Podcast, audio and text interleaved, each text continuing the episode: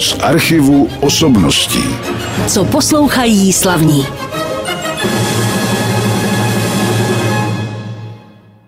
Po první skladbě v dnešním vydání pořadu z archivu osobností teď přivítám v našem studiu profesi, která se tady neobjevuje tak často člověka, kterého znám velmi dlouho už a vy ho můžete vždycky spatřit na svátcích hudby Václava Hudečka, jak pobíhá kolem dokola, protože má na starosti, já myslím, že snad úplně všechno na těch koncertech. Mým hostem je Radek Hrabě, dobrý den.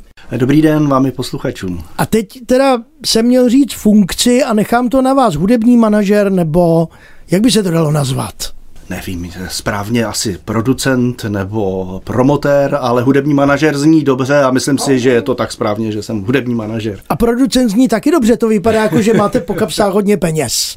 Zase, když organizujete koncerty. Ale já často říkám, že jsem organizátor.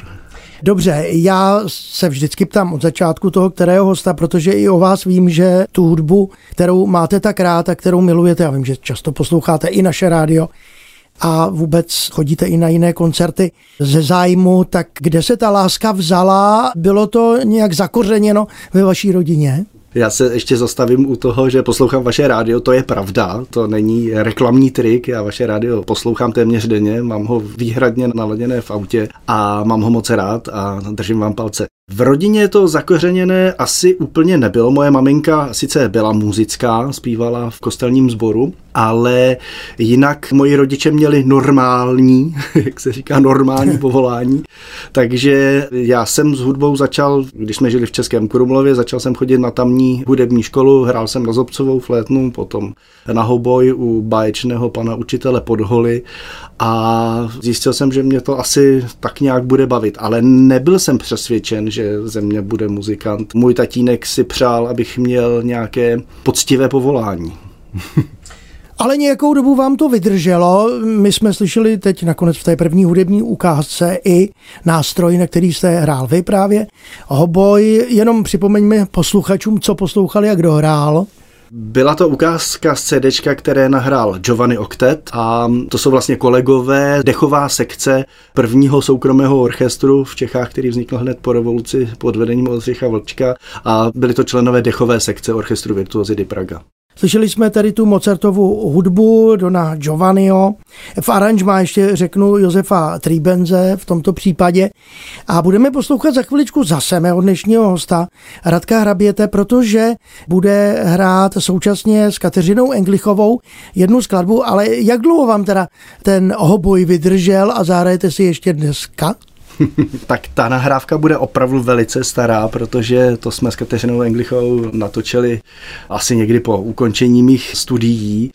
A takže je to spíš takový hřích mládí a s Kateřinou Englichovou jsme vlastně za studií hodně spolupracovali, procestovali jsme spolu téměř celý svět a té druhé části vaší otázky, no dneska už si nezahraju. Dneska mm-hmm. už si nezahraju, když bych někdy moc rád, ale ten hoboj to je tak náročný nástroj, to jsou ty strojky, které si musíte připravit a dneska jsou vlastně nároky na tu interpretaci tak vysoké, jak ve vrcholovém sportu.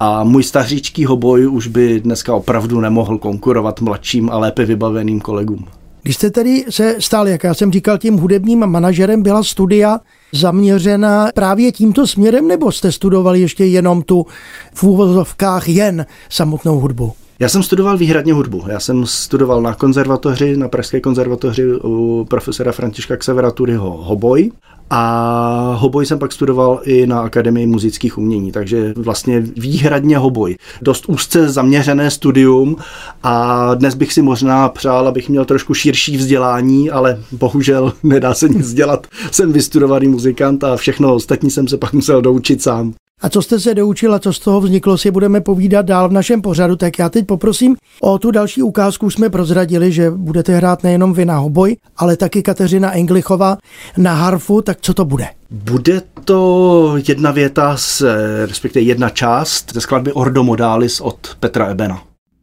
Hráli vám nejenom Kateřina Englichová na harfu, ale taky můj dnešní host Radek Hrabě na hoboj skladbu Petra Ebena, Ordo Modalis, tedy část té skladby. Samozřejmě některé skladby v těch našich pořadech musíme samozřejmě krátit, ale já už se těším na další hudbu, která tady zazní, protože bude od člověka na jehož koncerty. Chodím velmi rád a velmi často a to je Václav Hudeček. Tam se můžete setkat taky s jeho velmi milou ženou Evičkou Hudečkovou a jak jsem říkal, všude tam zahlednete pana Radka Hraběte. Kdy jste se potkal s Václavem Hudečkem poprvé? Já jsem se s ním poprvé potkal vlastně ještě jako muzikant a myslím si, že to bylo právě, když jsem byl členem orchestru Virtuozidy Praga, který jako první porevoluční soukromý orchestr začal natáčet hodně muziky na CD, která byla tenkrát velice populární. A samozřejmě Václav Vudeček jako náš nejvýznamnější, nejlepší houslista býval naším solistou, takže tam jsme se poprvé asi potkali, i když já v roli jako muzikanta a člena orchestru, ale už tam tam mě vlastně Václav okouzlil svojí lidskostí a svým krásným lidským přístupem k nám všem takzvaně obyčejným muzikantům. Ano, to mohu potvrdit. Václav Rudeček je skutečně příjemným člověkem, ať mluví s kýmkoliv, což na něm teda obdivuju. No a tam právě někdy už začínal ten souběh té, řekněme, manažerské produkční činnosti ještě s tím hraním v orchestru? Ano, já jsem hrál v orchestru a byl jsem po čase vyzván nebo požádán, abych pomáhal s takovými drobnými organizačními věcmi, které vlastně s tou prací orchestru byly spojené, ať to byla příprava natáčení nebo nějaká produkční práce při natáčení, nebo potom vlastně během četných zájezdů. My jsme procestovali řadu zemí s tím orchestrem a s tím cestováním byla spojená organizační práce, takže tam jsem začal, vlastně tam jsem k tomu přičuchnul, k té organizační práci. No a pak to pokračovalo samozřejmě dál a já jsem vás vlastně poprvé zaregistroval na Mezinárodním hudebním festivalu v Českém Krumlově, na který jsem kdysi pravidelně každý rok jezdil a tam jste měl co za funkci, já už to nevím teď. Tak já jsem tam začal, myslím, abych, nevím, jestli budu přesný, ale jako šéf produkce a později jsem se stal ředitelem té organizační agentury a v zásadě jsem měl na starosti a to, co mi pak už vlastně zůstalo do dneška, produkci a organizaci koncertů. No a když to vezmeme po, dejme tomu, rocích, tak Václava Hudečka znáte už několik let, ale asi jste nebyl u všech 31 ročníků svátku hudby v Praze. Bohužel nebyl, bohužel nebyl, i když bych tomu byl rád. Vím, že tenhle ten krásný festival založil Václav s Evou Hudečkovými, vlastně asi na poput byl to nápad Evičky Hudečkové a já jsem se k tomu dostal až u 20. ročníku. Hmm, ale i tak je to samozřejmě dlouhá doba. Tak se teď podržme ještě tedy třeba svátku hudby v Praze nebo spíše jména huslového virtuoza Václava Hudečka. Vy jste vybral, já to posluchačům prozradím jednu část, máme zimu, tak jsme se domluvili, že zahrajeme zimu ze čtveročních období Antonia Vivaldiho bude to ta prostřední krátká část tohoto díla, ale ta nahrávka je hlavně zajímavá ještě něčím jiným než eh, a taky tím zajímavá přítomností Václava Hudečka, ale i dalších osobností. Je to jedna z nejkrásnějších nahrávek podle mého soudu Vivaldiho čtveročních období. Vydali Suprafon, myslím, že dostala platinovou desku, že byla i obchodně velice úspěšná ta deska a kromě Václava Hudečka tam účinkuje Igor Oysterach a Pavel Kogan, vlastně synové slavných hudebních velikánů. Budeme hodně mluvit v tomto pořadu o svácích hudby v Praze a ne Václav Hudeček a hosté. Takže jsme zase se zaposlouchali teď do virtuózního výkonu nejenom Václava Hudečka, ale i dalších účinkujících, o kterých jsme mluvili právě v tom závěru čtveraročních dob, tedy závěru části zima čtveraročních dob, abych to řekl přesně, od Antonia Vivaldiho. Mým hostem je Radek Hrabě. Už jsme se trošku dotkli toho Mezinárodního hudebního festivalu Český Krumlov, kde už jste dělal jaksi producenta a spoluorganizátora všech těch akcí, které tam jsou. Tak já jestli posluchači mají představu, co všechno musí takový producent a nebo teda hudební manažer, dejme tomu, dělat. Je toho asi hodně. Ano, je toho asi hodně. Já bych se možná teď soustředil na Festival svátky hudby, který skutečně ano. mám po této stránce organizačně celý na starosti. Protože v rámci toho Mezinárodního hudebního festivalu Český Krumlov samozřejmě to byl celý tým lidí. Co se týká svátku hudby, ty opravdu organizujeme ve velice malém kolektivu, se skvělými nápady přichází Eva a Václav Hudečkovi, které potom my ve velice malém týmu se snažíme realizovat tak, aby všichni byli spokojení. A co je důležité u takového festivalu? Já si myslím, že důležité je sestavit program, který bude lákavý pro všechny diváky a posluchače. To znamená, je důležité, aby na ty koncerty chodili návštěvníci a aby se jim to líbilo, aby odcházeli spokojení. To je asi to nejdůležitější. Takže začíná to u sestavení programu. Jak jsem říkal, v tom můžeme zcela důvěřovat Evě a Václavu Hudečkovým.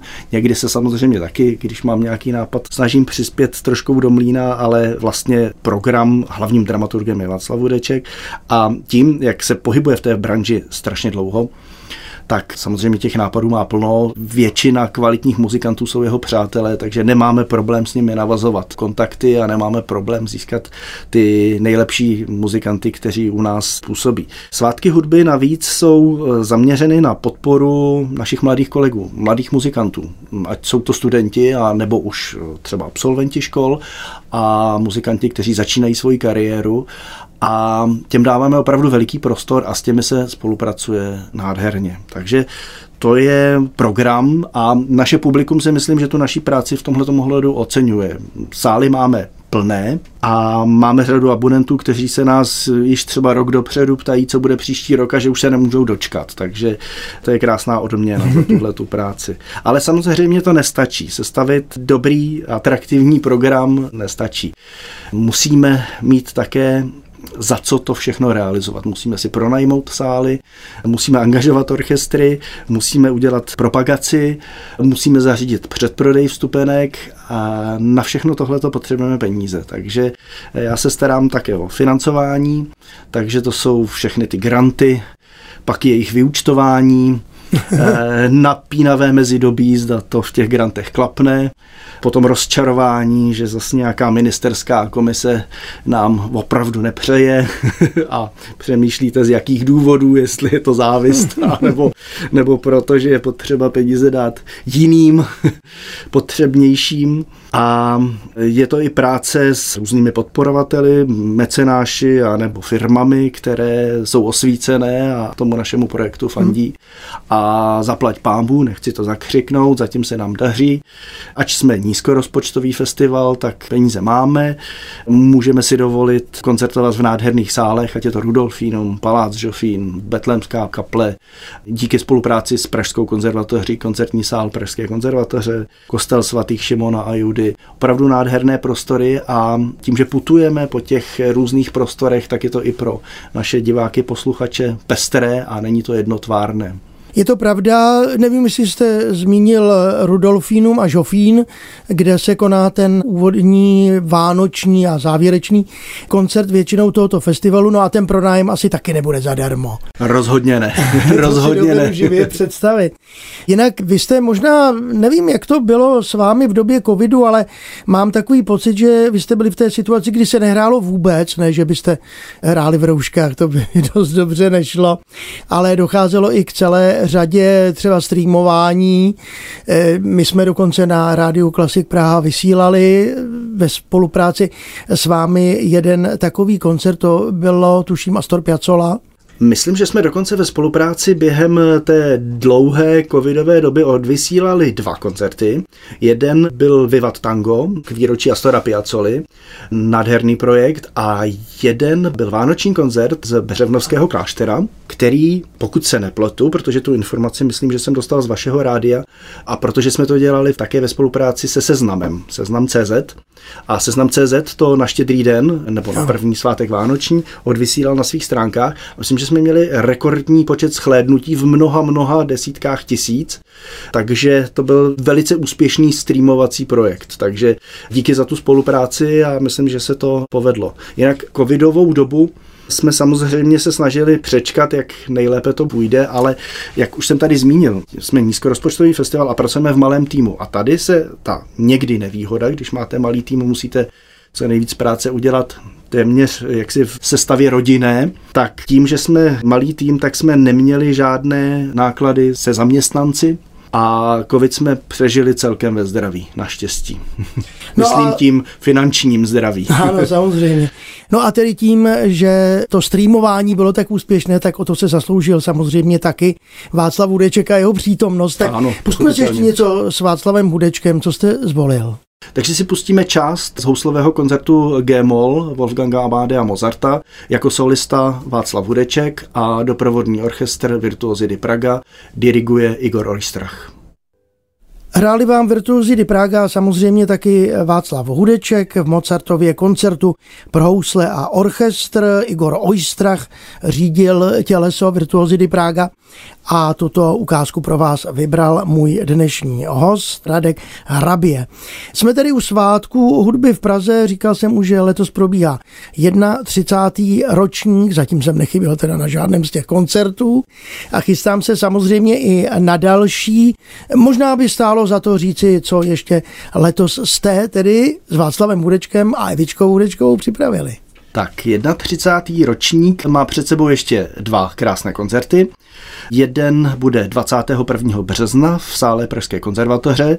Tam trošku netradičně dáváme prostor mladým českým skladatelům. Takže uslyšíte skladby Adama Skoumala, Jiřího Kabáta, Ondřeje Kukala, a svojí přítomností nás samozřejmě kromě Václava Hudečka a těchto jeho hostů poctí i Štěpán Rak se svým synem. A poslední koncert letošního ročníku, 31. ročníku, se uskuteční 25. dubna v Betlemské kapli, v nádherném prostředí Betlemské kaple, kde vystoupí Hradišťan s Jiřím Pavlicou, ale kromě Jiřího Pavlici a Václava Hudečka, samozřejmě jako hlavního hostitele, vystoupí i Marek Pavlica, syn Jiřího Pavlici. A Marek Pavlica je velice talentovaný absolvent Hudečkovy Luhačovické akademie, takže já sám se moc těším, co dohromady všichni tito pánové a všechny tyto jaksi ikony svého oboru, jaký krásný program nám na 25. dubna do Betlemské kaple připraví. No, my už jsme o tom mluvili, nebo vy jste to říkal, že právě Václav Hudeček, ale vůbec celé svátky hudby se starají o mladé začínající interprety, což je samozřejmě dobře, protože jak jsem se tuhle s Václavem bavil, na nich je opravdu vidět ta radost, čiší z nich ten zájem o tu muziku na začátku třeba jejich kariéry.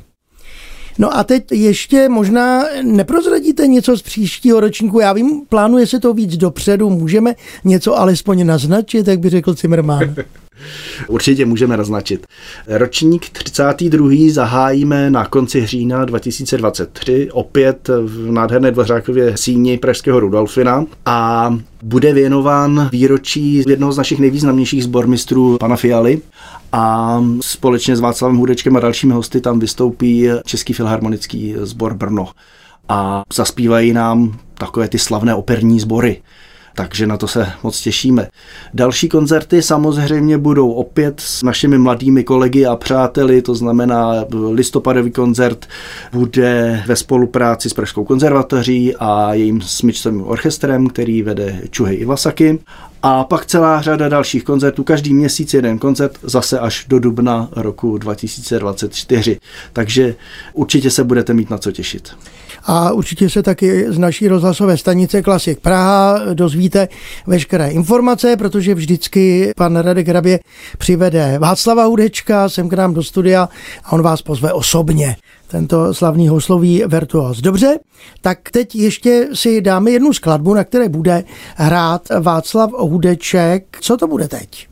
Bude to úvodní věta ze slavného Mendelssohnova houslového koncertu v provedení právě Václava Hudečka, Symfonického orchestru Českého rozhlasu a diriguje ještě dirigent Smetáček. A co mi včera říkal Václav do telefonu, tak tahle ta interpretace, která podle mého soudu patří k jedné z nejlepších, co jsem kdy slyšel, já tohleto provedení toho Mendelssohnova koncertu mám opravdu hodně rád, tak ta interpretace je poznamenaná i takovou jednou smutnou událostí. Václav v den, kdy tenhle ten koncert natáčel, se dozvěděl o úmrtí svého milovaného učitele Davida Oistracha a mám pocit, že je to v tom trošku slyšet, ale ta nahrávka je opravdu krásná, poslechněte si to.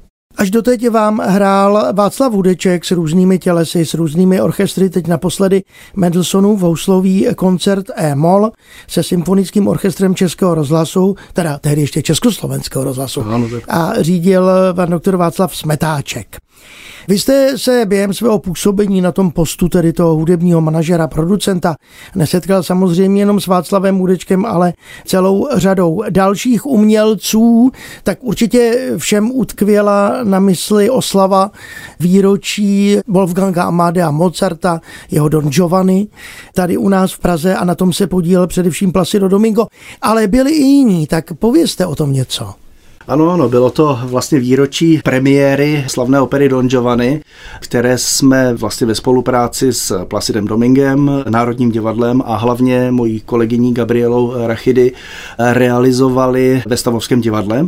A tam jsme měli samozřejmě možnost intenzivně poznat a spolupracovat s maestrem Placidem Domingem, který nás pak odměnil velikánskou poctou a to, že věnoval vlastně Praze nám možnost uspořádat jeden ročník jeho významné, slavné soutěže Operália v Praze. Tak to byla pro nás velká podsta, moc si toho vážíme a bylo to velké vyznamenání, takže ve spolupráci s Národním divadlem, Gabrielou Rachidy a Placidem Domingem jsme uspořádali jeden ročník jeho skvělé soutěže tady u nás v Praze.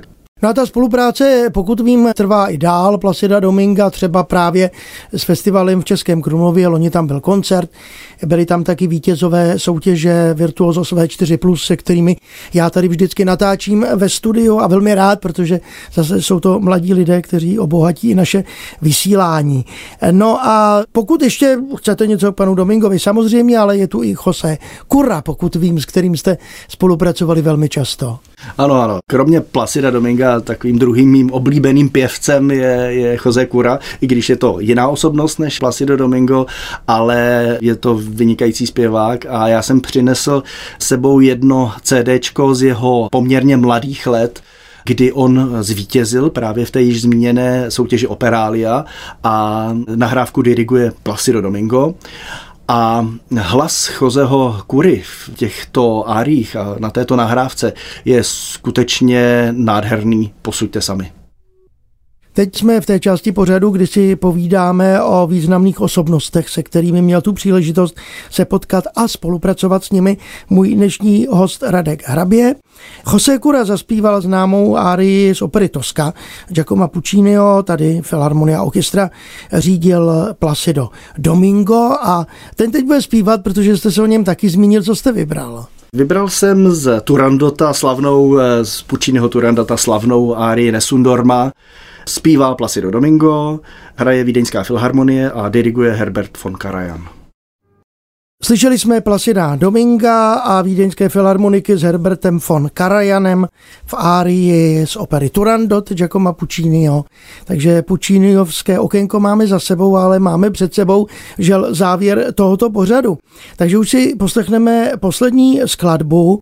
Dozvěděli jste se i, co chystají svátky hudby v Praze, protože mým hostem byl tentokrát nikoli Václav Hudeček, ale Radek Hrabě, který je producentem tohoto velmi úspěšného projektu, na který jste srdečně zváni. A co jste, Radku, vybral na závěr? Na závěr jsem vybral ukázku ze slavné svity Prokofievovi Romeo a Julie. Ať se vám daří nejenom vám, ale samozřejmě celému festivalu Svátky hudby v Praze a případně i vašim dalším akcím, které budete pořádat a díky, že jste přišel do našeho studia. Já děkuji za pozvání a budeme se na vás těšit na Svátcích hudby. Z archivu osobností.